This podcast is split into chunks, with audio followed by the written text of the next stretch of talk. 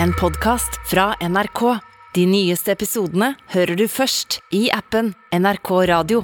Hans Olav Lahlum er historiker, biograf, kriminalforfatter og sjakkspiller. I tillegg er han pol politisk aktiv i SV og menneskerettighetsaktivist i Amnesty. I mars fikk han Eilert Sunds forskningspris for bøkene sine om den norske arbeiderbevegelsen. Og når han ikke skriver eller holder på med sjakk, opptrer han ofte i media som kommentator, ekspert eller TV-personlighet. I tillegg er Lahlum notorisk B-menneske. Dette er Drivkraft med Vegard Larsen i NRK P2. Hans Olav Lahlum, velkommen til Drivkraft. Takk for det. Veldig hyggelig å være her. Veldig hyggelig å ha deg her. Hvordan har du det? Det har vært en spennende og spesiell eh, sommer. En veldig merkelig sommer, på sett og vis. Eh, det ene er jo selvfølgelig det at det nærmer seg valget og den spennende oppkjøringen mot det og sånn. Så har det samtidig også vært en spesiell sommer for meg. Eh, fordi min far jo døde for en eh, måned siden. Og det er klart at det er en ny opplevelse. Og en veldig tankevekkende opplevelse. Det virvler jo selvfølgelig opp mange tanker og følelser. Så jeg vet ikke om vi skal snakke litt om det først, eller? Det er kanskje naturlig siden, siden det er såpass tett på. Hvor, hvor, hvor gammel ble han? Han ble 81. Um, og det er jo viktig i det hele at uh, han var en gammel mann. Han hadde hatt svekket helse noen år.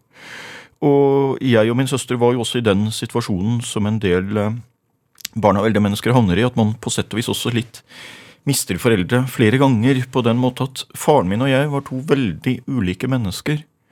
Men vi hadde felles en lang livshistorie, eller en lang historie, hvor vi hadde selvfølgelig kjent hverandre gjennom hele oppveksten. Og vi hadde også felles en veldig god hukommelse. Så det skjedde liksom Gjentatte ganger så hadde vi en sånn egen liten hukommelsestest som ingen andre forsto noe av, hvor en av oss plutselig sa en replikk som var henta fra en tegneserie eller barnebok eller et TV-program vi hadde sett sammen da jeg var liten. Og i veldig mange år så hendte det nesten aldri at faren min ikke umiddelbart kunne ta det og si at det var den, eh, den barne-TV-episoden der, eller den Donald-episoden, eller, eller, eh, et eller annet sånt. Og så, så står du der en dag, og så spør eh, min far er det bare du som bor her nå, har Hans Olav flyttet? Og så må jeg liksom si at ja, men det er jeg som er Hans Olav, sønnen din. Og det er klart det er et veldig stort sprang mellom der, og på mange måter, tenker jeg i ettertid, så var kanskje den dagen på mange måter et større sjokk enn den dagen med at han nå, sterkt svekket helsemessig som han var, eh, døde. Når var det? Eh, ja, dette er eh, vel fire år siden. Den episoden jeg nevner, er vel fire år siden. Så var det Jeg hadde meningsfulle samtaler med han senere. Det kom og gikk litt. Det var noen dager som var bedre enn andre dager. Men det var jo en situasjon å venne seg til at, at sånne helt grunnleggende ting man alltid hadde kunnet ta for gitt, ikke var der, og at det ble mange måter vanskeligere å ha samtaler, og selvfølgelig særlig den siste tiden. Da så var det på én måte en fin slutt. Min far var veldig glad i å reise med tog, hadde han alltid vært. Og de siste forvirrede dagene så snakket han også om at nå sto han på stasjonen og måtte finne plassen på toget sitt før det gikk. Og så er det jo på en måte et litt fint bilde å se for seg da, at han går på dette usynlige toget. Så var alltid veldig glad når han reiste med tog. Så da går han på dette usynlige toget og vinker liksom litt ut av vinduet, og så reiser han av gårde ut av vår tid og inn i eh, historien. Men det korte er jo en situasjon som vekker mange følelser, og det er jo en situasjon hvor veldig naturlig med sorg. Det er veldig naturlig å føle på et savn. Det er veldig naturlig at man tenker på mye som har skjedd eh, tidligere. Hva har du tenkt på? Nei, det er, jo, det er jo mange episoder fra, eh, fra, livet. da. Nå har jo jeg hatt, eh, Faren min har jo på sett og vis vært nær hele tiden. Fordi jeg hadde jo gifteforeldre gjennom oppveksten, og jeg har jo også tatt med en del av faren min i de siste årene. Vi har jo bodd i samme hus, riktignok i ulike leiligheter, så sånn sett er det klart det er veldig mange minner som, eh, som kommer opp. Men jeg tenker likevel at det er jo igjen ulike perspektiver man kan ha på det. Nå fikk jeg en kondolansehilsen fra en gutt som gikk i klassen min på grunnskolen, som mista faren sin i 1978, da vi var fem år gamle. Og det er klart, det er synd, det. Eh, og så leste jeg nå en oppdatering fra en eldre dame på Gjøvik som skrev at nå var det 70 år siden den dagen hun var 12 år og hørte på radioen at den båten som faren jobbet på, hadde gått ned, og at alle var savna. Eh, og faren døde jo da, selvfølgelig. Altså det, det er trist, det. Altså når man mister eh, faren eller moren i oppveksten. Og, og, liksom hele oppveksten videre blir preget av det. Men selv om det er mer naturens gang, med alder og sånne ting, men man, kan man bli forberedt, forberedt uansett? Jeg tror det er en overgang uansett. Altså jeg tror at Det er noen følelser du vil kjenne på, og det å miste et forelder for første gang er en veldig spesiell ny opplevelse, på sett og vis. Eh, veldig spesielt at man ikke skal møte igjen noen gang en person man liksom har møtt så mange ganger og, og, snakket så mye med. Men samtidig så tenker jeg jo da at det er jo veldig mange andre som har det verre. Helt åpenbart de som mister et forelder tidlig, mye verre. Eh, nå var jeg og min søster er jo i 40-årene, veldig godt etablert eh, og, og går den med, med jobb og økonomi og sånt, så det er klart at det gjør det jo mye lettere. Og så er det jo klart også at hvis du mister et foreldre som i og for seg er gammelt og, og, og kanskje syk, men, men, hvor det da er den siste familiemedlemmet man har igjen, så er det jo en veldig krevende øvelse. Og det er jo en del av mine jevnaldrende som sier at når man liksom blir eldste generasjon, så føler man veldig sterkt på det i familien, at nå er det jeg som er eldst, og, og sånt. Men jeg har jo da en uh, mor som er i veldig godt slag og, god form. Jeg har i voksen alder fått en uh, stefar jeg er veldig glad i og har et veldig godt uh, forhold til. Jeg har en søster, og jeg har en kjempeflott niese på elleve. Så jeg har jo liksom fortsatt en familie rundt meg. Jeg har veldig mange gode venner. Og det er veldig mange andre, tenker jeg, som uh, har hatt en sånn overgang mye verre enn den jeg fikk nå. Altså, jeg er godt opp i 40-åra, faren min var over 80. Og han hadde jo da blitt sterkt svekket de eh, siste årene. Og så er det en fin ting å tenke på, som også har gitt noen nye perspektiver på dette med fellesskap og sånt. At Faren min hadde jo da svekket helse de siste årene. Men han hadde det egentlig så godt som han ut fra helsa kunne ha det. Selv om faren min ikke var en veldig rik mann, ikke hadde spesielt stor formue eller, eller, eh, eh, eller, høy inntekt, eller noe sånt, så fikk han veldig god behandling i helsevesenet. Han fikk plass på sykehjem. De tok seg enestående godt av ham eh, der. Eh, drosjesjåførene på Gjøvik var kjempehyggelige mot ham. Butikkansatte var veldig hyggelige mot ham. Naboene var veldig hensynsfulle mot ham.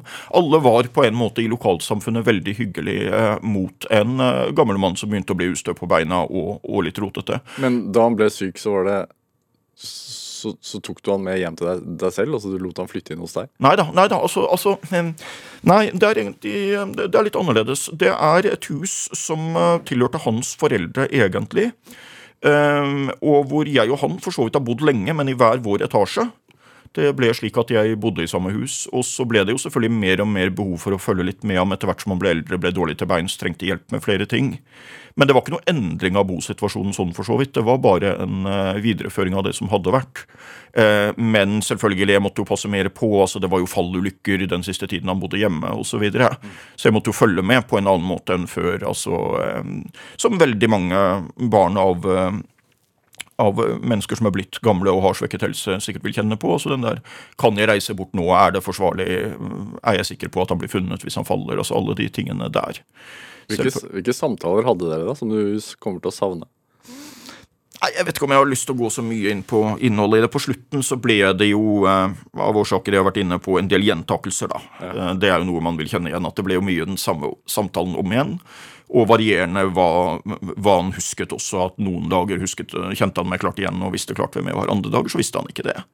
Men eh, så, så, fikk han jo da, på, eh, på, når han trengte det, plass på sykehjem. Og jeg syns det er veldig viktig at folk i Norge sier fra når de opplever at tilbudet i eldreomsorgen og sykehjem osv. ikke er godt nok. Det er veldig viktig i Norge at vi våger å si fra om det. Men så tenker jeg at det er litt viktig at man sier fra når man er eh, fornøyd med ting også. Og, og det har virkelig vi familien her opplevd. Så er det det er en uansett spesiell situasjon få en telefon fra sykehuset om at uh, faren din er død, at det skjedde så fort at man liksom ikke rakk å tilkalle deg, og, og, så skulle ringe videre til sin søster og si fra om det. Og, og, selv om mine foreldre jo har vært skilt i veldig mange år, så var det jo en spesiell opplevelse å skulle ringe til min mor og, fortelle, og si ordene 'far er død', liksom. Har du lært noe, selv, altså lært noe om deg selv? Ja, Det tror jeg alle gjør i en sånn prosess. og Man har jo på en måte forberedt seg og tenkt litt hvordan det vil være. Men det er jo det er en sånn situasjon du aldri blir helt forberedt på før du har vært gjennom det, tror jeg. Og at man eh, vil eh, Det er sikkert en del ting å tenke på, på gjennom det, og selvfølgelig en del ting fra gamle dager også som kommer opp litt. Men eh, som sagt, det overordnede perspektivet for meg er vel at når du har foreldre, en far i dette tilfellet, som er over 80 og sterkt helsemessig svekka, så kan du liksom blir veldig lei deg og syns synd på deg selv når, eh, når, han dør, men du kan jo også velge takknemlighetsperspektivet og si at eh, det var bra at han fikk leve så lenge som han gjorde, at vi barna fikk oppleve å bli så godt voksne som vi ble, Og også vil jeg si veldig sterkt det elementet at han fikk ha det så godt i lokalsamfunnet, bo hjemme så lenge det var mulig god behandling på sykehjemmet da han kom dit. Veldig god behandling av folk i lokalmiljøet. Så jeg tenker at man kan se på en sånn trist hendelse, så går det jo an å, å velge et slags positivt perspektiv eh, i den situasjonen jeg opplevde det. Er det, det er veldig mange andre som opplevde det verre. har du tatt vare på noen av sakene hans? Ja, og det er klart at det er jo en spesiell, det, det, var jo også en spesiell opplevelse å gå ned på sykehjemmet og rydde i de sakene hans som befant seg der. Og, men det er vel også en ganske standard situasjon som veldig mange ville opplevd. sånn at det er klart det ligger jo igjen veldig mange ting. Noe må kastes, noe skal tas vare på. Den prosessen er jeg jo fortsatt inne i. Ja. Er det noe du tenker at du kommer til å virkelig ta vare på? Som, som kommer til å være en god ting å ha? Ja, det blir jo det mye bøker i min familie, da, så det blir nok igjen en del bøker og en del bilder og en del familiebrev og sånne ting. Men den prosessen er jeg litt inne i, og den, i mitt tilfelle så kommer den til å gå og en viss tid, fordi faren min bodde ganske romslig. Han hadde en veldig stor leilighet, sånn at det er liksom ikke bare tre rom å rydde. Det er, det er ganske mye der. Um, og um, det samler seg gjerne opp litt hos eldre mennesker av minner fra et liv. Så det blir en vei å gå gjennom. Men det var kort om denne sommeren. Er det sånn Som biograf Tenker du da sånn biografisk om, om hans liv når han blir borte? Ja. ja da. Jeg holdt en litt øh, kanskje alternativ øh, tale på minnestunden, hvor jeg liksom prøvde å lage en sånn minibiografi over min far og livet, og, og, hvordan det ble som det ble med ulike ting.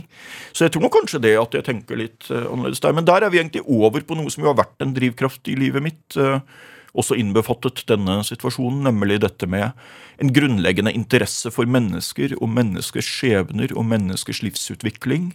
Hvorfor har du det, tror du? Jeg vet ikke. Det, det er veldig vanskelig å si. Det er nesten fristet å si at det kanskje er medfødt. Det kom i hvert fall veldig tidlig. altså jeg begynte å lese historiske biografier, men da sånne veldig enkle historien om bøker, som du kanskje husker fra, eh, fra dine egne barneår. Eh, de leste jeg når jeg var fra sånn ja, Uh, altså Rundt der begynte denne interessen for historie. Også. Hvilken, hvilken var mest interessant den gang? Hadde du en favoritt? Jeg, jeg, lurer på om jeg begynte med Thomas Alva Edison, oppfinneren. Ja. Men det var jo ikke den veien med de tekniske og naturvitenskapelige tingene jeg kom til å gå senere. Men jeg leste nok både Edison jeg tror jeg leste om Abraham Lincoln og John F. Kennedy ganske tidlig. Jeg leste litt ulik Walt Disney-biografi. De andre leste Donald, jeg leste Walt Disney-biografi. liksom. Jeg leste Donald også, da. Men, men, men jeg var et veldig lesende barn. Hva var det som var interesserte deg i så tidlig alder for livshistorie og levd liv, da? Nei, hvor starter det hen? Eh, jeg tror kanskje det spilte inn at jeg var et annerledes barn. Og så bodde jeg jo i et lokalsamfunn som på godt og vondt var ganske lite. Det var vel 300 innbyggere der. Så man kjente jo hverandre ganske godt. altså Man visste på en måte av nesten alle som bodde der. Ja. Hvor, hvor, hvor, hvor vokste du opp? Eh, jeg vokste opp i Rødøy i Nordland. I, i en, um, Veldig naturskjent? Ja, det, det, det, er det jo. Og så er det jo små, små lokalsamfunn. altså Det var 50 elever på skolen. Det var to elever i klassen til søstera mi på skolen. liksom. Eh, sånn at det var jo små miljøer sånn. Og det har både en del positive og en del litt mindre positive effekter. Men jeg begynte vel tidlig å liksom reflektere over disse menneskene rundt meg. ikke sant? Han bor der, han jobber som fisker. Hvorfor jobber han som fisker mens han er lærer?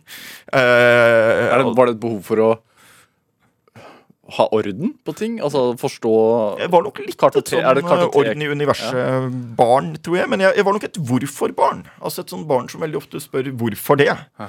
Og det var jo en ting som senere i utdanningsløpet også kom til å skape noen problemer for meg. For jeg gikk nok litt langt med å hele tiden spørre hvorfor det. Hva skal jeg med dette? ja, du var irriterende for læreren. Altså, læreren sier at jeg skal sitte denne timen og lese dette her, men hvorfor skal jeg det? Hva skal jeg med dette her? Og så var det jo den irriterende og litt skumle siden av meg at jeg, jeg var nok veldig tidlig et barn som visste hva jeg ville.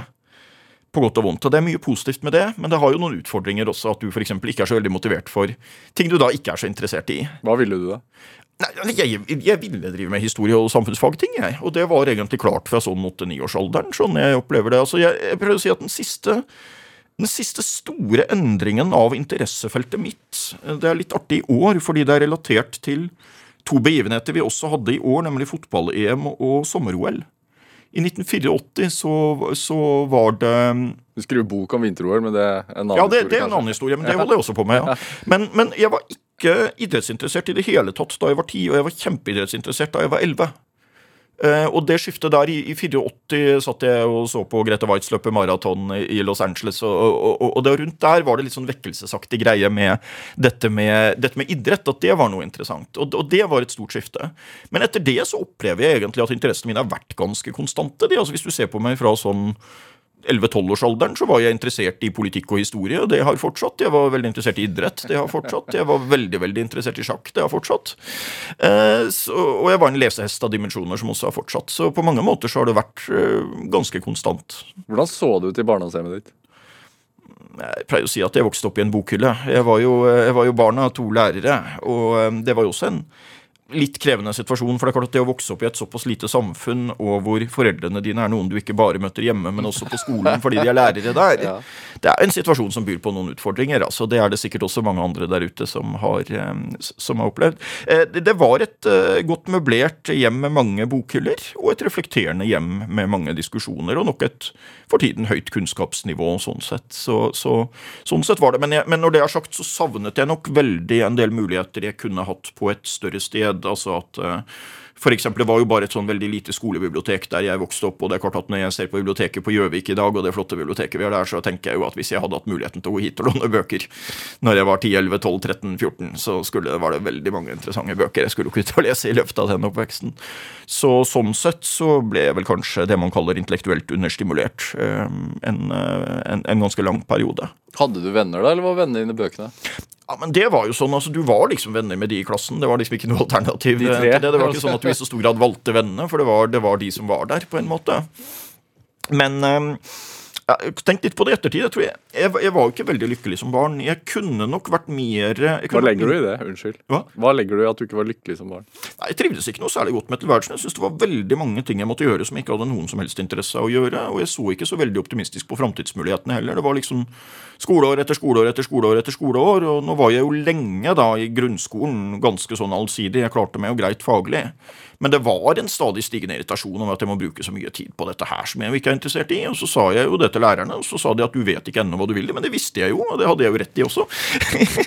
så det ble jo liksom historie og samfunnsfag, og det lå liksom eh, veldig i kortene, det. Det er en litt artig historie fra noen år siden hvor min mor møtte på en lærerkollega fra den gang, og så bemerket mor at Hans Olav har jo blitt historiker og forfatter, og så svarte denne lærerkollegaen, som da ikke hadde sett meg siden jeg var eh, elleve, at det var det jo ingen som kunne ha tenkt seg til, nei. sånn at eh, det lå nok veldig tydelige interesser eh, der, og selvfølgelig så har vi jo et skoleverk i Norge som er litt sånn at man skal eh, være allsidig, gjøre ulike ting veldig lenge og begrenset mulighet til fordypning. Og det er jo en del ting jeg har tenkt litt på i ettertid. Og det har jo blitt et varig sterkt engasjement for de som kanskje er litt annerledes, som ikke passer helt inn med disse standardmålene. Men Var det sånn at du følte at barndommen gikk veldig sakte? Ja, uff, ja. Ja, den gjorde det. Og det var liksom, Jeg bodde ikke bare på et sted som var for lite til å ha sjakklubb, jeg bodde på et sted som var for lite til å ha fotballklubb.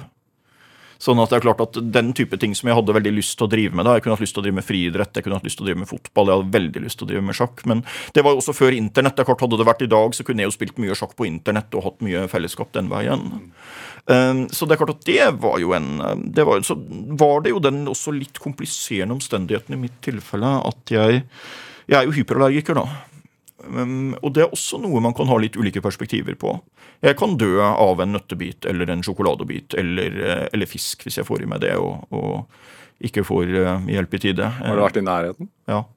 Jeg holdt på å dø da jeg var 14. Da fikk jeg i meg en nøttebit. Jeg spiste en salat med noen nøtter i. Og, og, eh, det er en tankevekkende opplevelse, det. er Kanskje særlig i så ung alder å stå og vippe på kanten. Jeg var helt forberedt på at nå kan jeg dø hvert øyeblikk som helst. Hva kroppen, altså du, hva skjedde da med kroppen din? Du... Ja, nå er, nå er, jo ikke jeg medisiner, eh, så jeg skal være litt forsiktig med å si det. Men sånn, sånn jeg opplevde det, eh, det intensive allergionfallet det er snakk om Hvis jeg skal beskrive det på noen folkelig måte så er det én hånd som strammer seg om halsen, slik at det blir vanskeligere og vanskeligere å puste. Og så er det samtidig én hånd som griper tak om hjertet ditt og begynner å klemme til. Og den følelsen er jo ekstremt ubehagelig, fordi hvis du får vite at ok, det kommer til å pågå i fire minutter til, men så går det over, så er det jo så sin sak. Men når du ikke vet når disse to hendene vil slutte å stramme, på en måte, så er det jo veldig ubehagelig. Så er det veldig vanskelig å si hvor, um, hvor nært det var. Uh, men det var helt klart en, en veldig, um, veldig farlig uh, situasjon. Ordnet det av seg selv, eller måtte du få legehjelp? Nei, altså, du vet, Jeg bodde jo på bygda i Nord-Norge, og det tok jo en del tid å få frem legehjelp. Så da legen kom fram Det kom en lege, men da var krisen over. Så det var en, og det var en rent fysisk overlevelseskamp som også førte til et endret livssyn.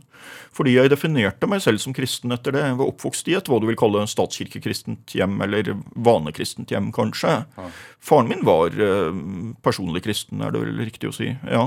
Eh, men eh, etter den opplevelsen så drev jeg ganske fort over til å bli humanetiker. Nok ikke bare pga. den opplevelsen. Men um, det var ikke snakk om noen form for guddommelig inngripen eller beskyttende hånd, som man følte. Det var en akutt fare for å dø og en rent fysisk veldig lett forståelig overlevelseskamp. Men jeg har lyst til å si da at det er en del venner av meg også, sånt som sier at det er jo synd på deg som har disse allergiene, og det syns ikke det er synd på meg i det hele tatt. Jeg, fordi det er veldig mange andre mennesker som har helseproblemer som er mye mer plagsomme i hverdagen enn det jeg har. Jeg har lagt meg til noen rutiner med ikke å spise ting som kan være farlig for meg. Men det styrket nok da sikkert den følelsen som ung av at man er spesiell, annerledes. Du, du, kan ikke gjøre alle de tingene de andre gjør. Ja. Og du må ta andre hensyn. Du må være mer på vakt. Og det er klart at for eksempel, den, Nå begynte jeg aldri å drikke alkohol da jeg var i tenårene. og det er klart at den lysten til å drikke seg full og miste kontrollen er jo kanskje noe større. hvor det Hvis du kliner en dame som har, eh, som har spist nøtter, så kan du komme til å få et livstruende allergianfall, liksom. Ja. Hva annet er du allergisk mot? Nei, Jeg har livstruende mot sjokolade, nøtter og fisk. Og så har jeg noen lettere allergier som ikke, er, eh, som ikke er farlige, men som jo kan være forstyrrende. Men det, det, går helt fint. Det er veldig mange andre som har eh, mye verre ting å slite med. Og jeg har jo også vært litt opptatt om det andre, f.eks. ME, denne sykdommen som jo har eh, preget livet veldig sterkt for veldig mange unge mennesker. Det er klart det er noe helt annet enn dette. Muskel- og leddsykdommer er noe helt annet enn dette. Dette er helt håndterlig, og det er liksom nå bare blitt en del av livsstilen. Men det er klart at det er noen ting å, å passe på når man går ut og spiser, og, og i litt ulike sammenhenger. Hvor lenge var det problematisk for deg, føler jeg som en outsider? da? Jeg, vet egentlig ikke om jeg har følt det så veldig problematisk på den typen måten at jeg har aldri anstrengt meg for ikke å være annerledes, men jeg har aldri anstrengt meg for å være annerledes heller. Jeg har liksom bare ærlig vært meg selv og vært interessert i de tingene. Jeg var ikke heller, f.eks. da jeg var tidlig i tenåra, jeg var ikke redd for å si at det der er ikke det der dere er interessert i, det er ikke jeg interessert i, jeg gjør dette i stedet jeg lar være å gå i det selskapet, for det der er ikke jeg interessert i. Altså, Jeg opplevde det aldri som noen stor belastning.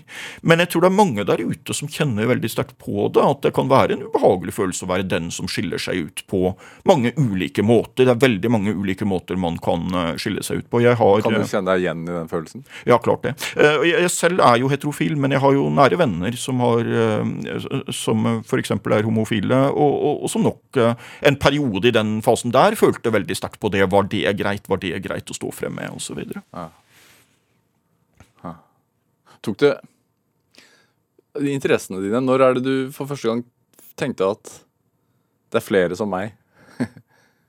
det var en veldig sterk opplevelse for meg etter å ha hatt en krevende vei gjennom videregående. Jeg droppet jo da ut av videregående og tok det som privatist. Det var en krevende vei. Hvorfor gjorde du det? Nei, Det var bare en konstatering at dette er ikke noe for meg. Jeg passet ikke inn i miljøet med eh, jevnaldrende fra området sånn, og eh, det var altfor mye undervisning med fag jeg da visste at jeg ikke skulle drive med. Og der, der tror jeg at denne, hvis vi kan kalle det nær døden-opplevelsen, da jeg vet at det brukes litt ulikt, men denne opplevelsen av nesten å dø, den spilte nok inn. For jeg var nok litt sånn fra før at jeg brant veldig for noen ting. Det er jo hva man brenner for du ville snakke om i dag. Mm. Eh, og at jeg veldig gjerne ville drive med det. Og så ble det nok enda sterkere. Det er klart at når du har holdt på å dø når du er 14 og så er det ikke så veldig fristende å sitte og bruke mange hundre timer de neste årene på fag du ikke er interessert i, osv. Men det ble jo en litt sånn lidelsens vei. altså Jeg pinte meg jo gjennom med å ta privatisteksamen eller sånt for å få bestått. Og det er jo også en del ting jeg har en tanke om, at det finnes jo f.eks. da ganske mange unge i dag som er veldig gode i noen fag, veldig dårlige i noen fag. Og så lager man en stort problem ut av det og sier at du er for dårlig i det og det faget. Men kan vi ikke lage noe positivt da og si at du er jo veldig god i det faget og veldig god i det faget? Og det er jo noe du åpenbart har talent for. Kan vi ikke bare hjelpe deg over denne kneika med videregående og skaffe deg studiekompetanse, og så kan du få studere de fagene du er interessert i. Og det var en veldig stor opptur for meg, tror jeg nok. Da jeg endelig kom meg på universitetet, så, um, så var det en veldig stor opptur. Og så var jeg veldig heldig med at jeg hadde sjakkmiljøet da jeg var i slutten av tenårene. Jeg kom jo da inn i sjakkmiljøet da jeg var 16-17 år. Og det var egentlig første gang jeg følte at nå er du liksom inne i et miljø hvor det virkelig er et, uh, virkelig hyggelig å være. Her er det sterkt fellesskap om noe man har lyst til å drive med. Man er ikke her fordi man må være her, man er her fordi man har lyst til å drive med det. Så de to vil jeg si. Først sjokkmiljøet, og så den overgangen til universitetet. Jeg får da si til uh, unge mennesker der ute som sitter og hører på dette, og som uh, sliter litt gjennom uh, skolen og syns det er tungt, at det kommer altså bedre tider. det er veldig mye spennende man kan gjøre, og vi er veldig, veldig heldige i Norge at man har mulighet til å ta høyere utdannelse og velge så mange spennende fag. Og at man i veldig stor grad har mulighet til å ta utdannelse litt sånn uavhengig av foreldrenes økonomi. For det er klart, Jeg vokste opp i en familie med pressa økonomi, og familien min hadde veldig pressa økonomi da jeg var ung og begynte å studere. Hvordan merket du det? Det er jo noe man merker. Nå var jeg jo igjen på ingen måte alene om det. Men det er klart at det er noe du eh, lærer deg til å være veldig bevisst på hver hundrelapp du eh, bruker og, eh, og, og, og sånt. Så så det var en tøff fase, men kanskje også en fase jeg har fått en del igjen for i ettertid. Jeg lærte meg å jobbe selv da jeg tok videregående som privatist, på sett og vis. Jeg måtte lese selv, for jeg hadde ikke undervisning. Og det er klart at når jeg kom på universitetet, så fikk jeg jo en del igjen for det. Men det er en spesiell vei å gå, og jeg vil nok eh, fraråde folk å, å, gå den med mindre det er overbevist om at den er den riktige. Men jeg får vel da også være et eksempel på at det kan gå bra i livet, selv om, eh, selv om man har eh, kommet til dropout-statistikken i videregående på et tidspunkt. Det fins veier videre også til å ta høyere utdannelse. Men begynte du å interessere deg for mennesker allerede i, ja, i sånn ung alder? Det er så tidlig jeg begynner å følge med seks-sju årsalderen.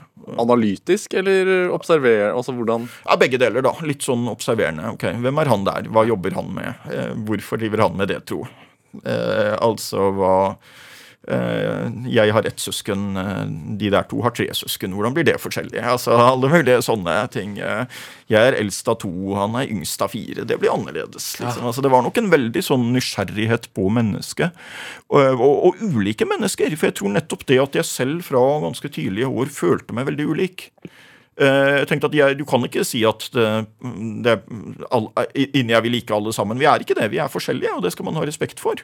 Og jeg fikk nok en veldig stor respekt for at andre mennesker var annerledes enn meg, nettopp fordi jeg var annerledes selv. Når du, når du skriver biografier, og når du da skal sette deg inn i andres liv, ja.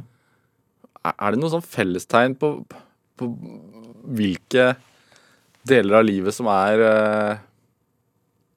altså, som, er, som er, de viktigste delene av livet, det som former et menneske? Det er jo lett å si at barndommen er viktig. Nå har man jo også kommet fram til i nyere forskning at den veldig tidlige barndommen er viktigere enn man, eh, enn man tidligere har trodd. Altså At det faktisk er veldig sterke inntrykk fra f.eks. det første leveåret som kan prege mye sterkere videre enn hva man tidligere har trodd. Det er lett å si at det starter der. Nå er det jo eh, parti som har drevet og kjørt slagord med at alt starter i skolen. Og jeg tenker at veldig veldig, veldig mye starter jo lenge før skolen, egentlig. Men at det starter i oppveksten, og at det er noen rammer som settes der, det, det er jo klart. Men samtidig så finnes det jo øh, det finnes jo mange eksempler på folk som har hatt en veldig god oppvekst, og som likevel får det tøft seinere i livet. Uh, og det finnes veldig mange eksempler på folk som har hatt en veldig vanskelig oppvekst og, og likevel klarer seg fint senere. Så man, uh, Det er jo en del av forklaringa, men det er jo åpenbart ikke hele forklaringa. Eh, men det er jo veldig interessant, det der samspillet mellom arv og miljø osv. Nå har jo jeg skrevet stort sett om politikere. Mm. Så da har jeg jo valgt mennesker som tilhører et bestemt sjikt. Jeg skriver veldig mye om idrettsutøvere nå, da jeg har skrevet litt om sjakkverdensmestere og, og, og, og, litt ulikt. Og i romanene mine har jeg jo skrevet om veldig mange ulike mennesker. Men, men uh, som historiker så er det jo primært politikere jeg har jobbet med, og da er det jo også interessant å se på både likheter og forskjeller mellom dem i litt ulike partier, også i samme parti. Hvis du skulle skrevet uh biografien din, da? Hvor hadde du begynt da? Ja, jeg tror eh, Jeg har ikke noen planer om å skrive noe selvbiografi. Jeg anser ikke mitt eget liv eh, så interessant. Nei, vi kan gjøre et forsøk her. Nei da, men eh, vi har vel vært litt inne på det allerede. Og så er det klart at i dag så er jeg et veldig, veldig privilegert menneske. Eh, jeg jobber ikke nok veldig mye, men det er høyst frivillig. fordi jeg har da opplevd at det som egentlig var hobbyene mine, og det jeg hadde lyst til å drive med på fritiden, er nå liksom blitt jobben min. Jeg kan tjene veldig godt på det. Jeg har veldig mange gode venner og interessante mennesker å snakke med. Hva legger du i det? Godt, godt vennskap? Nei, Godt vennskap er veldig veldig viktig, og det har jeg egentlig satt mer og mer pris på i voksen alder. For meg så handler det nok en del om et interessefellesskap. Hvis jeg skal ha, være god venn med noen, og jeg har mange gode venner, så er det nok viktig at vi i hvert fall har noen interesser felles. At det ikke bare er at man bor i nærheten av hverandre eller et eller annet sånt og egentlig ikke er interessert i de samme tingene osv. Men derimot så syns jeg også det er veldig utviklende å kunne ha livlige diskusjoner med venner. Jeg har f.eks. venner i veldig mange ulike politiske partier. Fordi jeg synes det er veldig interessant å ha diskusjoner der og få litt meningsbrytning og, og høre noen nye argumenter. og sånn. Så, så det er eh, meningsutvikling altså, utveksling er viktig? Ja, jeg er nok et eh, intellektuelt menneske sånn. Jeg liker nok de gode, interessante diskusjonene, men så eh, Nei, så er det jo samtidig sånn at jeg kan, hvis du tenker deg en situasjon å sitte og prate på toget med en medpassasjer i en time eller, eh, eller i en bil, eller noe sånt, så kan jeg nok snakke med veldig mange mennesker og tenke at dette var interessant. Men hvis det skal bli noe sånn dypere vennskap ut av det, så er det jo fint om man har, om man har noen felles interesser man brenner litt for. Liker du, altså, liker du smalltalk, Hans Olav? Ja, men jeg er nok en som relativt fort i en smalltalk-samtale vil begynne å sortere litt hvor interessant dette er. Altså Det er helt greit å snakke fem minutter med folk i ulike sammenhenger, men jeg er ikke sånn, jeg er ikke sånn jeg, Jo, smalltalk er greit, men tomprat er ikke det jeg liker veldig godt. Altså bare stå og prate om ingenting. Jeg har også opplevd eksempel, at jeg på Facebook og sånt blir kontakta av folk som gjerne vil snakke med meg. Og jeg prøver jo når jeg har tid, å sette av tid til det, men hvis de da ikke har noe å si på en måte. Altså Ja. Hvis det bare koker ned til sånne banaliteter og, og, og uinteressante ting, så mister jeg jo interessen. Ja. Det er, altså når man Siden du da i sommer eh, mistet faren din og, og, og begravde ham, er, blir du nostalgisk av det? Er du nostalgisk? Jeg har ikke blitt det i noe særlig grad. Men jeg tror kanskje det har sammenheng med at i og med at faren min nå var 81, og at det hadde vært det sykdomsforløpet det var, så hadde vi på en måte hatt god tid til å gå gjennom den prosessen tidligere. Så jeg har ikke opplevd at det er noen sånn sterk bølge nå. Men det er klart det er noen situasjoner jeg var inne på da jeg tømte rommet hans på sykehjemmet, når jeg nå driver og går gjennom uh, saken hans og sorterer ut hva som kan kastes og sånt, så er det liksom Det er uunngåelig at det virvler opp noe sånn slags eh, støv og minner og, og, og, og sånne ting, og selvfølgelig også en del følelser. Det er klart. Hva er det beste minnet, da? Nei, jeg tror ikke jeg skal gå så mye inn på, inn, inn på å begynne å rangere det eh, ennå. Det, ja, det var en blanda historie. Vi var to veldig ulike mennesker. Men eh, kanskje også det at vi var såpass ulike som vi var i familien min. Kanskje det også var noe som eh, stimulerte denne interessen min for ulike mennesker tidlig. For jeg hadde en familie med veldig ulike personligheter. Og det kan også ha spilt positivt inn der. Og, og som sagt, jeg tror jeg vil si i dag at eh, selv denne opplevelsen av nesten å dø da jeg var 14, tenker jeg at i ettertid har hatt mange positive effekter. Når folk nesten dør, men overlever, Ja. så vil jo mange da kanskje finne eh, Gud, mens du s- s- støtet eh, religion fra deg. Hvorfor det? Ja. Nei, det, det, det tror jeg man skal ha veldig stor respekt for. og F.eks. andre verdenskrig, som jeg har skrevet en del om, så er jo det der et veldig kjent tema. At uh, andre verdenskrig var, eh, var noe som fikk en del mennesker til å finne en religiøs tro, og en del andre mennesker til å miste sin religiøse tro. Uh, jeg tror at for meg så var det nok det, det, Nær døden-opplevelsen spilte nok litt inn, og den var en veldig emosjonell opplevelse. Men samtidig så er det klart at jeg, når jeg begynte å komme i den alderen der, 14-15, så begynte jeg å stille stadig flere kritiske spørsmål ved oppleste og vedtatte sannheter. Og så følte jeg nok ikke at eh, kirken og, og presten og, og, og representantene for kirken og, og de kristne var særlig gode til å gi meg svar på det. Det var liksom bare sånn at det må du tro på. Og så jeg ble kanskje for intellektuell, da. Altså en sånn, sånn helt grunnleggende spørsmål hvorfor er det så mye lidelse og nød og urettferdighet og ondskap i verden hvis det er en snill, allmektig Gud som følger med og vil oss alle vel? Og, og det fikk jeg egentlig aldri noe sånn veldig godt svar på. Det har jeg vel fortsatt ikke fått, så da er det jo blitt sånn. Men nå skal jeg si, jeg har studert religionshistorie, da, så jeg har jo en viss interesse for, eh, for eh, det temaet. Og jeg syns jo også på samme måte som jeg syns det er veldig interessant å ha venner i ulike politiske partier, så syns jeg det er veldig interessant å snakke med mennesker med ulike livssyn. Så jeg prøver å være ganske tolerant sånn, selv om jeg da har gjort et valg på å være humanetiker. Hans Olav Lahlum, du, eh, du har med en eh, låt hit. Ja. Uh, Don't Tell Me My Mind eh, heter den, av The Seekers. Eh, hvor, Hvorfor det? Nei, jeg syns at hvis folk nå hører litt etter eh, teksten på denne litt eh, glemte 60-tallsmelodien, så eh, kan man vel etter å ha hørt meg her litt eh, skjønne at det er ting som eh, passer der. Hva, hva, hva synges? Nei, vi kan jo la folk høre, kan vi ikke det?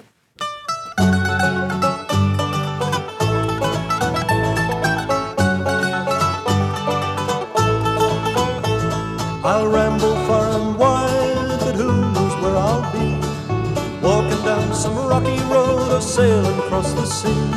I had no old true love, no girl to leave behind. It's my life and I like it. Don't tell me my mind. Don't tell me my mind, don't tell me that I'm wrong.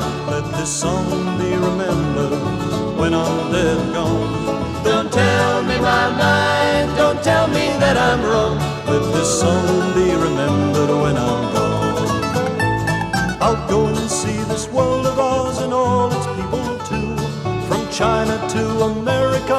and cross the ocean's blue. I'll sing about my travels, good times I'll surely find. It's my life and I like it. Don't tell me my mind. Don't tell me my mind. Don't tell me that I'm wrong. Let this song be remembered when I'm dead and gone. Don't tell me my mind. Don't tell me that I'm wrong. Let this song be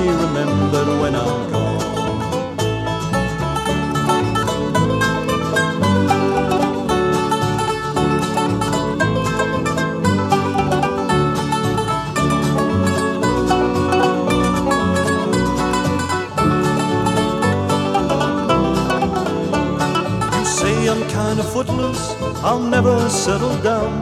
But I don't wanna hang around in this old one horse town. I've got so many things to do, I know so little time. It's my life and I like it. Don't tell me my mind. Don't tell me my mind. Don't tell me that I'm wrong. Let this song be remembered when I'm dead and gone. Don't tell me my mind. Don't tell me that I'm wrong. This song be remembered when I'm gone. Let this song be remembered when I'm gone. Ja, du fikk eh, Don't Tell Me My Mind av The Seekers her i Drivkraft på NRK P2, valgt av dagens gjest eh, her i Drivkraft i dag, nemlig historiker Hans Olav Lahlum. Hvor glad er du i musikk? Ja. Jeg kom fra en familie med veldig sterk musikkinteresse, egentlig på begge sider. Eh, og det var et av punktene hvor jeg på en måte ikke passet inn med kartet og ikke levde opp til forventningene. For jeg hadde ingen som helst interesse av å spille musikk. Det syns jeg var eh, veldig ubehagelig, og så ga ganske klar beskjed om at jeg ikke hadde noe lyst til. Men eh, derimot så har jeg jo eh, hele tiden hørt en del musikk, og typisk reflektert en del om det også. Men det er vel litt typisk at eh, jeg liker jo musikk, hører også en del klassisk. Likte veldig godt å se Kontrapunkt på NRK i, i, i gamle dager. Men, uh, men det er vel uh, riktig å si at jeg hører vel som her ofte mye på teksten, da. Jeg er vel en litt sånn tekstperson. Er det, altså, du fikk eh, Eilert forskerpris eh, i våres, i mars. Eh, gratulerer med den. Takk. Eh, for egentlig ditt arbeid, altså bøkene dine og biografien din om norsk arbeiderbevegelse. Det er ikke feil å oppsummere det på den måten. Nei da, det er helt fint. Er det Hvorfor er det så viktig for deg å, å gå, gå i dybden på, på dette her?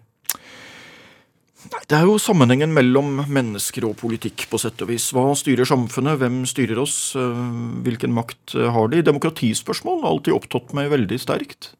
Og så, eh, så var det litt sånn Jeg har aldri vært medlem av Arbeiderpartiet. Jeg har ikke engang vært medlem av AUF, holdt jeg på å si.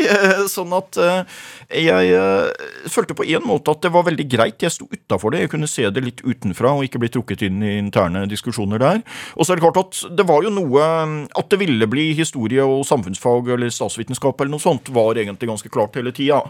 At det ville bli hovedoppgave om Arbeiderpartiet og personskifter i Arbeiderpartiet og, og den veien videre, det ble først bestemt eh, etter at de andre hadde begynt å skrive hovedoppgaven sin. Så var det liksom da jeg konkluderte med det. Jeg hadde en lang tankeprosess rundt det.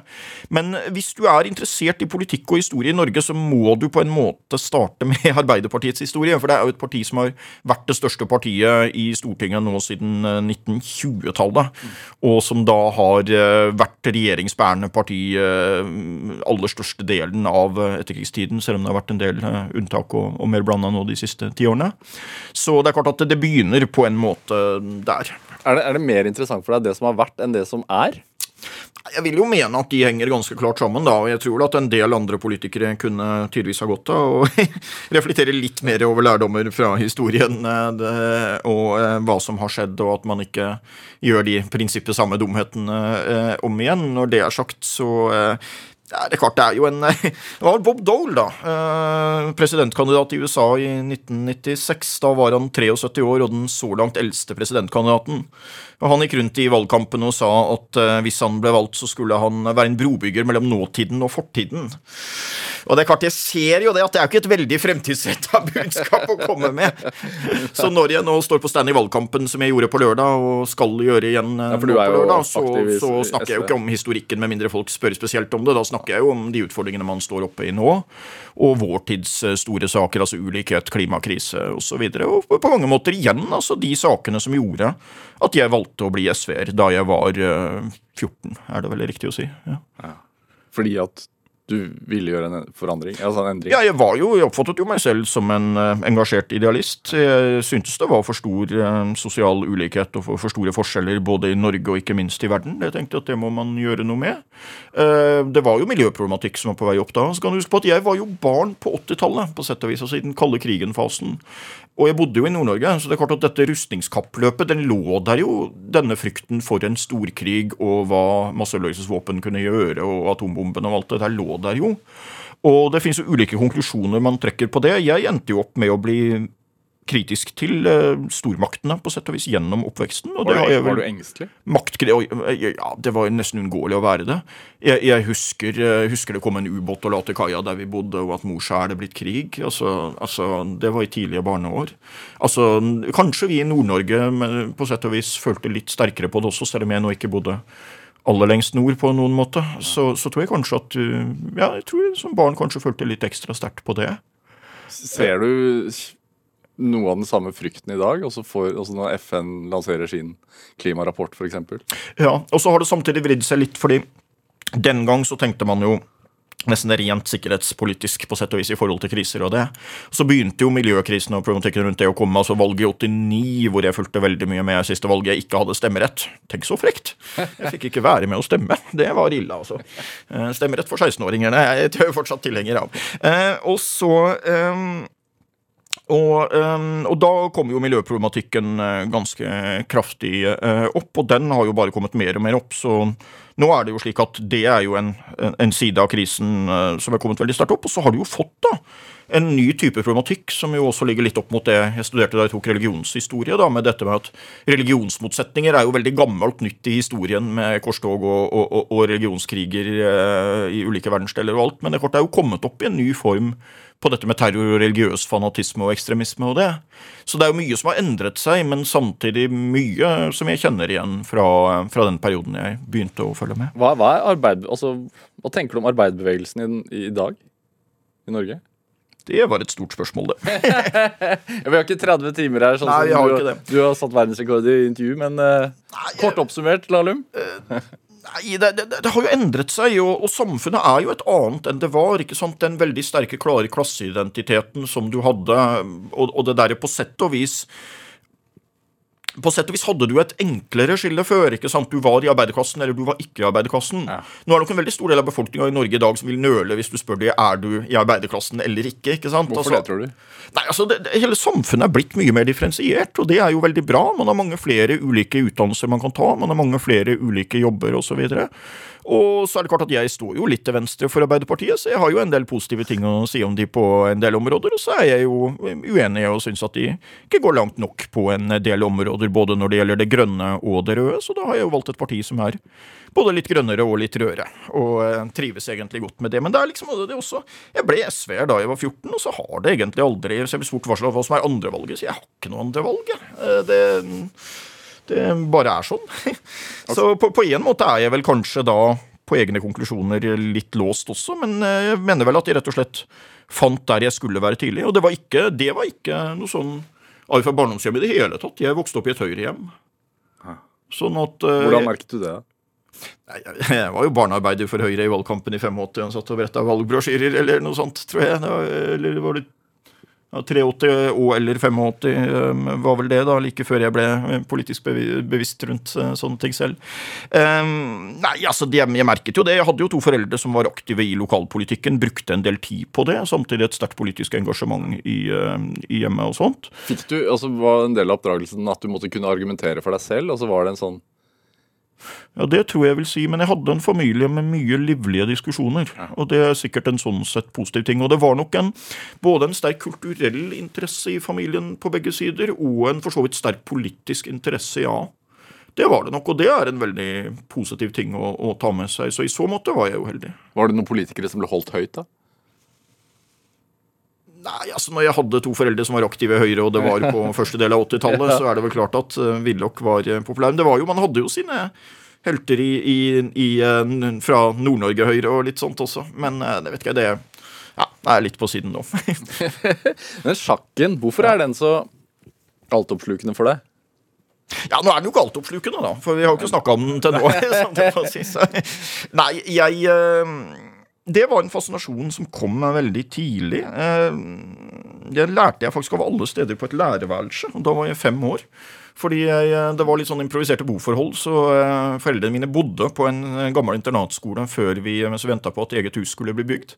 Og da var det en lærerkollega av mine foreldre som lærte meg det her grunnleggende med sjakken, og så fanga det umiddelbart interesse da dette. Ja, ja, brikkene skal samarbeide sånn, ikke sant? Og det, og det er jo en del likheter til f.eks. å både sette sammen en regjering, få det til å fungere på en arbeidsplass. Og det er veldig mye livsfilosofi i sjakken. Bruk brikkene på det riktige, få satt de på de riktige feltene, få til et godt samspill mellom brikkene. Så får du et bra resultat. Men jeg har, jeg har noen talenter for sjakk. altså litt sånn Ganske god på strategisk tenkning, ganske god på å se an styrker og svakheter hos motstanderne. Ser du, altså, Må man kunne lese mennesker i sjakk? Eller er det mer i man, man må ikke det. Men det er en klar fordel å kunne det. Og det er når jeg har vært trener og lagleder og sånn i ulike sammenhenger, det har vært en av de sterke sidene at jeg er god til å si at han skal du spille litt offensivt mot, ikke sant? for han er dårlig til å forsvare seg, men god hvis han får spille angrep. Og så videre. Så jeg er ganske god til å se an ulike typer sjakkspillere, og hvordan de spiller, og hvordan man bør spille mot dem, og, og legge opp strategier og sånt. Men jeg er for dårlig på den matematiske sida av sjakken. Altså de som går på sånne det vi kaller konkrete variantregnestykker og sånt. Men det er jo veldig fascinerende med sjakken, da, og veldig inkluderende sånn sett, at man kan spille sjakk veldig ulikt. Man kan spille sjakk med å tenke sånn rent matematisk, og man kan spille sjakk med å tenke veldig strategisk. Og så er det et veldig hyggelig element ved sjakken at man kan spille det lenge. Nå skal jeg arrangere internasjonal sjakkturnering nå. Endelig eh, mulig igjen å få med folk fra en del eh, andre land, får vi tro, om, om et eh, par måneders tid. Og, og det er jo fascinerende at vi da kommer til å ha deltakere som er kanskje fra ja, kan være 10 til 80, altså hvis nå Når når vi får mulighet eh, til det nå, og, og det er veldig forfriskende igjen. Begge kjønn kan være med og delta i samme turnering. Vi har spillere som er, er- sitter i rullestol som deltar. Det er veldig inkluderende og fint. Så eh, sjakken har betydd eh, mye for meg, men det var nok aller viktigst i den ungdomsfasen, tror jeg. Mellom sånn 16 og 21. Og, og Kjenne på mestring og kjenne på vennskap? ja. Ja. Og, og jeg har også igjen veldig gode vennskap fra den perioden, som, som er blant, eh, blant mine beste vennskap, vil jeg si, den dag i dag. Hvordan, hvordan er det å være inni hodet til Lahlum? Ja, jeg har ikke prøvd å være inni hodet på noen andre. Nei. Så jeg skal Det ante meg at det var svaret ditt. ja, Så det bør man vel kanskje være forsiktig med. Det er, det er jo relativt intensivt, da. Men det er jo også en ting, som jeg har sagt gjentatte ganger, at folk sier at jeg ikke må stresse. Men jeg er jo ikke stressa. Altså, jeg har lavt blodtrykk og alle de eh, der, tingene der. Men, men det er forskjell på å være stressa og være travel. Ja. Jeg har travle perioder hvor jeg gjør mye. Er du avhengig av å være travel? Nei, men jeg trives bedre med å ha litt for mye interessante ting å gjøre enn litt for lite, ja. Uh, og det er klart at for eksempel nå, Du nevnte det med boken om vinter-OL som jeg holder på å skrive nå. En av to bøker du skriver nå, er det ikke det? Ja, eh, Romanen er ferdig og er snart på vei i trykken, så den er under kontroll. Men vinter-OL-boka em, som jeg skriver sammen med Øyvind Tronstad, som er superekspert på eh, dette temaet, vant kvitt eller dobbelt flere ganger i det. Veldig spennende prosjekt eh, etter mitt hjerte. Ulike mennesker, ulike prestasjoner. Mye å analysere. Hvorfor er det landet så god i denne idretten, mens det landet er god i den idretten? Hvorfor det, kom det så mange gode langrennsløpere fra bygder i Trøndelag en periode? Altså alle de tingene der. Veldig interessant, og mange spennende livshistorier. Og dramatiske hendelser, så det er eh, veldig artig bok å holde på å skrive det. Men det er klart at jeg er preget av den nå. Altså Jeg er i en siste sånn skrivefase på den, og i og med at boka blir veldig stor, så blir det jo en veldig stor sånn korrektur- og, og, eh, og, og kontrollsjekkfase på slutten.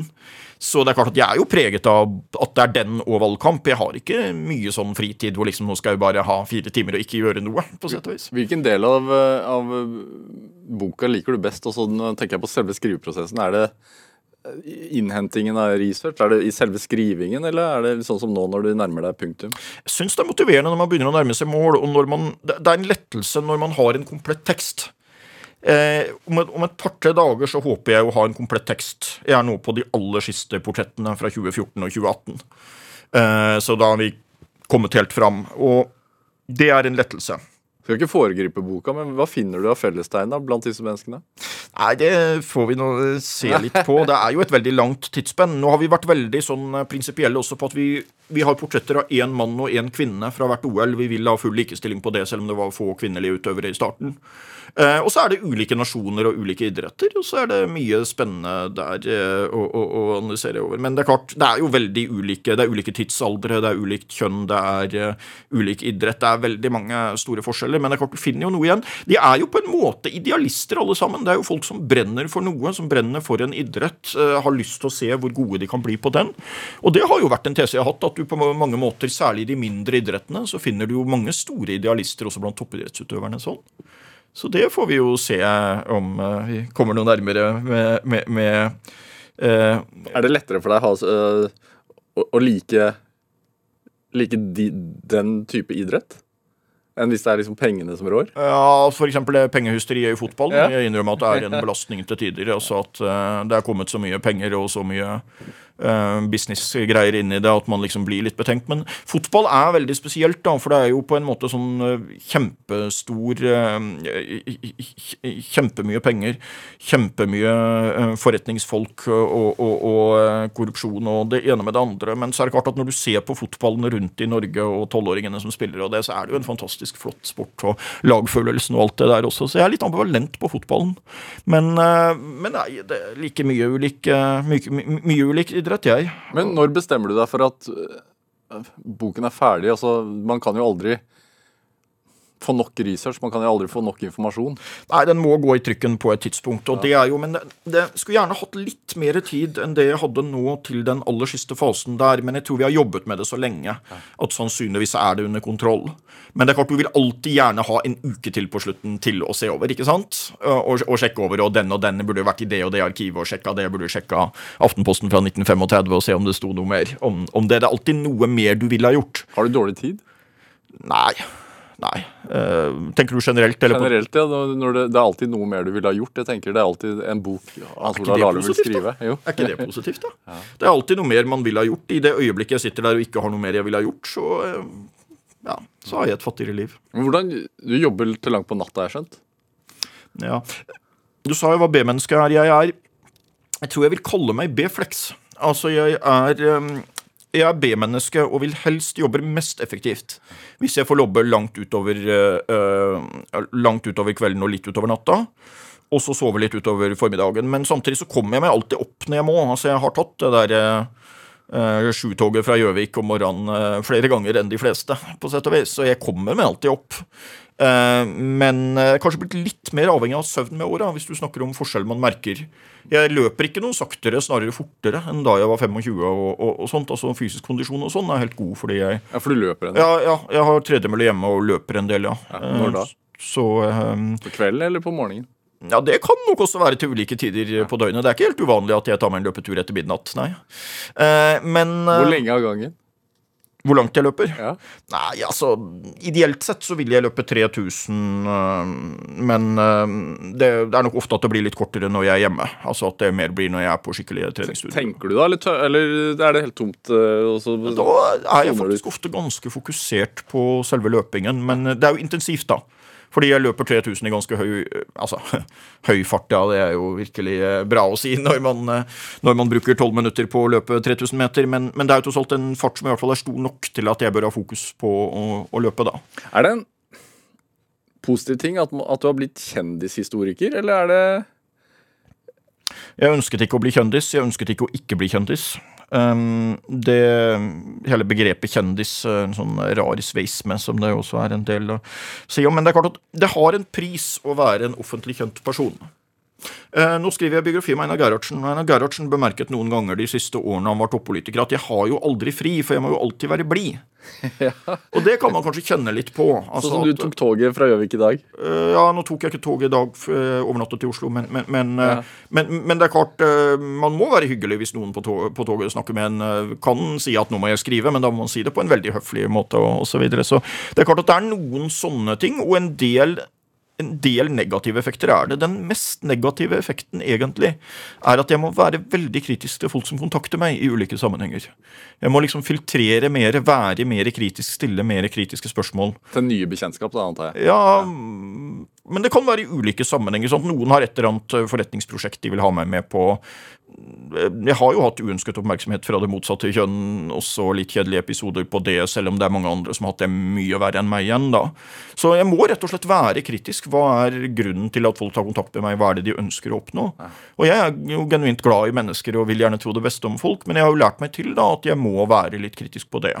Og, og, og en del sånne ting. Så det er absolutt en del ulemper ved det, men gjennomgående så har folk vært veldig hyggelige. Altså 90% av henvendelsene jeg får eh, fordi jeg er en offentlig person, er hyggelige.